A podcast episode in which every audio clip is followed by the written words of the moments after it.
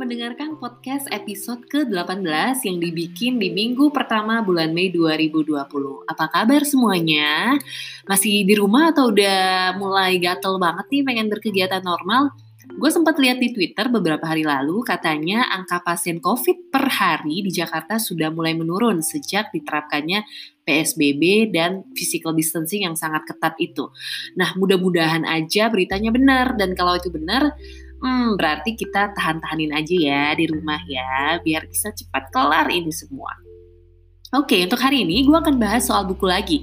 Sebenarnya pengen juga sih bahas uh, rekomendasi yang lain kayak film atau TV, TV series misalnya, tapi kok kayaknya belum nemu ya kliknya.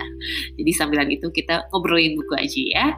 Untuk hari ini kita akan bahas buku berjudul Convenience Store Woman dari Sayaka Murata. Gue dapet referensi buku ini dari Dita, salah satu temen blogger juga, uh, yang gue udah sempet ikutin beberapa rekomendasi bukunya Dita di blognya, jaket biru punya 2.wordpress.com. Kalau misalnya lo pengen ngintipin juga rekomendasi bukunya Dita silahkan ya, soalnya beberapa yang di gue lumayan cocok. Nah terus terang, gue baru pertama kali denger nama penulis ini. So far, penulis Jepang yang selama ini gue tahu dan pernah baca bukunya cuman Haruki Murakami atau Fujiko F. Fujio komik Doraemon masuk gak ya? Tapi yang jelas gue punya beberapa teman yang seneng banget baca novel Jepang walaupun gue belum ketemu. Kenapa sih mereka seneng banget sama novel Jepang? Dan pas baca buku ini gue jadi inget mereka lagi. Penulis Jepang ini emang punya cara nulis yang sangat unik menurut gue. Yang uh, somehow bikin pembaca itu berasa banget ada di dalam cerita yang mereka tuliskan. Termasuk buku yang satu ini Convenience Store Woman menceritakan tokoh seorang penjaga minimarket uh, yang mungkin kalau di Indonesia kayak Indomaret atau Alfamart ya. Yang udah kerja di toko ini selama 18 tahun. Namanya Keiko Furukura. Nah, karena udah kerja selama itu, semua kegiatan di minimarket udah dia hafal di luar kepala.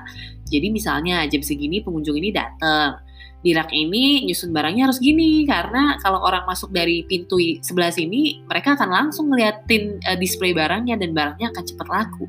Lalu tiap pagi dia akan nonton TV untuk ngeliatin ramalan cuaca karena ramalan cuaca akan menentukan seberapa banyak stok minuman dingin yang harus disiapkan.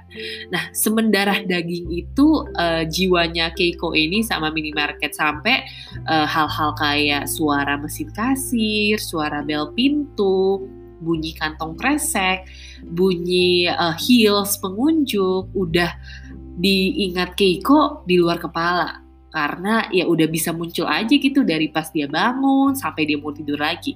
Dan di luar ceritanya Keiko soal aktivitasnya di tempat kerjanya itu di minimarket, Keiko ini juga dikisahkan sebagai anak kecil yang nggak biasa karena dari kecil tingkahnya di sekolah udah aneh-aneh, suka berantem sama temennya atau bisa tiba-tiba uh, mukulin temennya pakai sekop.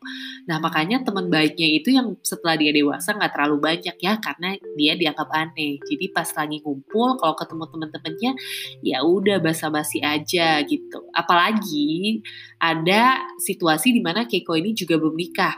Jadi makin deh dia dianggap aneh sama temen-temennya ya. Nah bagian soal gimana Keiko menghadapi pandangan orang tentang dia yang udah 18 tahun gak kerja, udah 36 tahun tapi belum nikah dan belum pernah punya pacar, uh, juga jadi bagian cerita yang seru sih untuk disimak ya karena kok kesannya Keiko ini gak sukses dan gimana caranya dia menghandle itu di tengah teman-temannya itu ada ceritanya di sini. Um, buku ini menurut gue ringan banget. Yang bikin gue seneng sebenarnya adalah deskripsi setiap aktivitas Keiko yang menurut gue sangat deskriptif, yang bikin gue ngebayangin banget nih uh, situasi Keiko dan kerasa gitu tiba-tiba gue tuh ada di dalam minimarket uh, dan ini semua tentunya harus diberikan uh, apresiasinya ke penerjemahnya ya Ginny Tapley Takemori Anyway, gue baca buku ini dalam bahasa Inggris ya.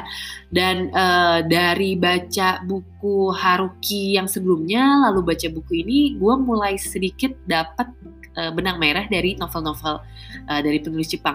Memang alur cerita dari novel Jepang itu selalu aneh atau unik.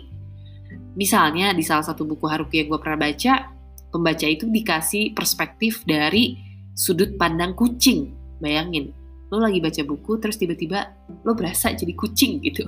Nah di bukunya uh, Convenience Store Woman ini juga hampir sama treatmentnya. Uh, lo berasa banget intimasinya si Keiko dan minimarket. Jadi sedetil itu sampai lo bener-bener berasa pindah dimensi. Gue berasanya kayak gitu pas baca buku ini ya. Um, di Goodreads buku ini dapat bintang 3.71 dari sekitar 48 ribu uh, ratings buku ini terbit tahun 2019. Nah, jadi kalau misal lagi nyari buku fiksi yang ringan, santai, dan dekat dengan kehidupan sehari-hari, kenapa gue bilang dekat dengan kehidupan sehari-hari? Karena ya itu, Indomaret sama Alfamart itu kayaknya tempat yang gue kunjungin minimal seminggu sekali sih jadi gue berasa deket gitu gue nggak tahu kalau lo ya tapi poinnya kalau lo nyari buku yang ringan untuk dibaca sekarang ini boleh deh, coba aja ya bukunya Convenience Store Woman dari Sayaka Murata. Terima kasih.